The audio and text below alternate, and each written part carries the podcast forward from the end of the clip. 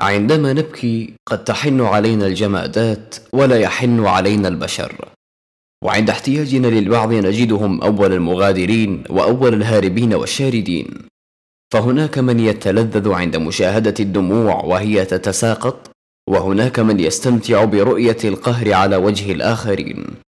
بل إنك إن نظرت حينها لعينيه فإنك ستتفاجأ بكمية من القساوة.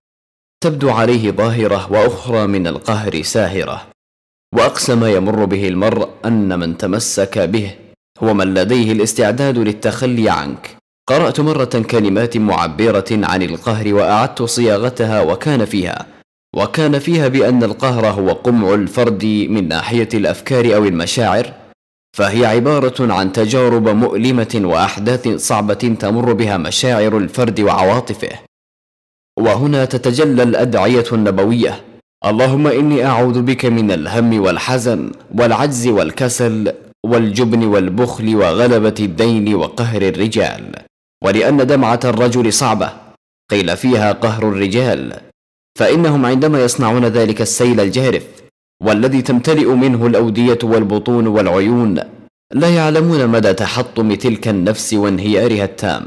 وكما قيل في المثل الإنجليزي القلب المملوء حزنا يصعب حمله تماما كالكأس الطافحة والخوف أن يتآكل ذلك القلب ويذبل تماما مثلما قال الروس في أمثالهم يأكل الصدأ الحديد وتأكل الأحزان الفؤاد.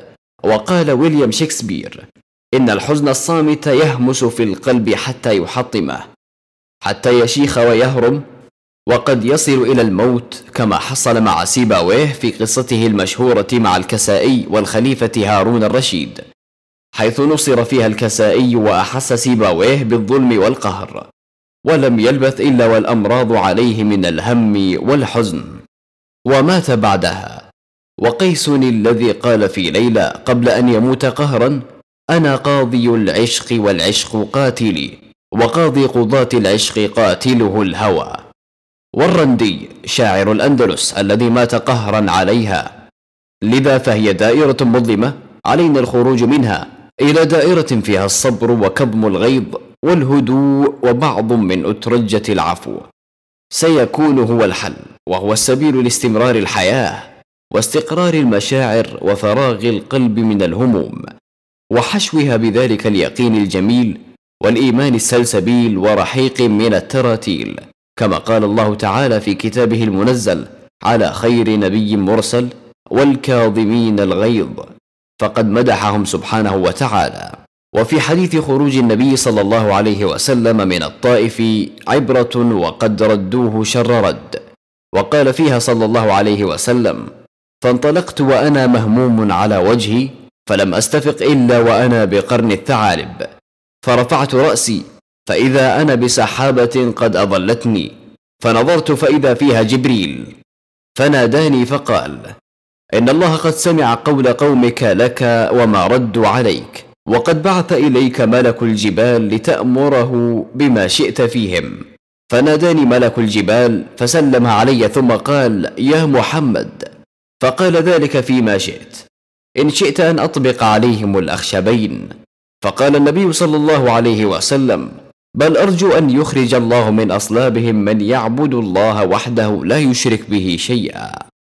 وعلينا أن نتذكر أن هذه العضلة التي في صدرك قابلة للتدريب والتمرين بالصبر والتجلد. فتمرينك لعضلات قلبك. يجعلك شيئا فشيئا تشعر بتلك الحياة تدب في دمك وعروقك. لتفتح صفحة جديدة فيها الاختيارات عديدة والفرص مفيدة. والنجاحات سديدة. فعليك ألا تقف وتسلم نفسك للقهر. فكم من شخص مات قهرا لأنه للحظة لم يستطع اختراق ذلك الحاجز النفسي والقوي.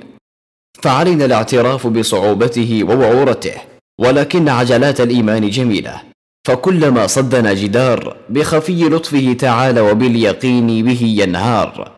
وما أحلى قوله صلى الله عليه وسلم إن الله لا ينظر إلى صوركم وأموالكم ولكن ينظر إلى قلوبكم وأعمالكم.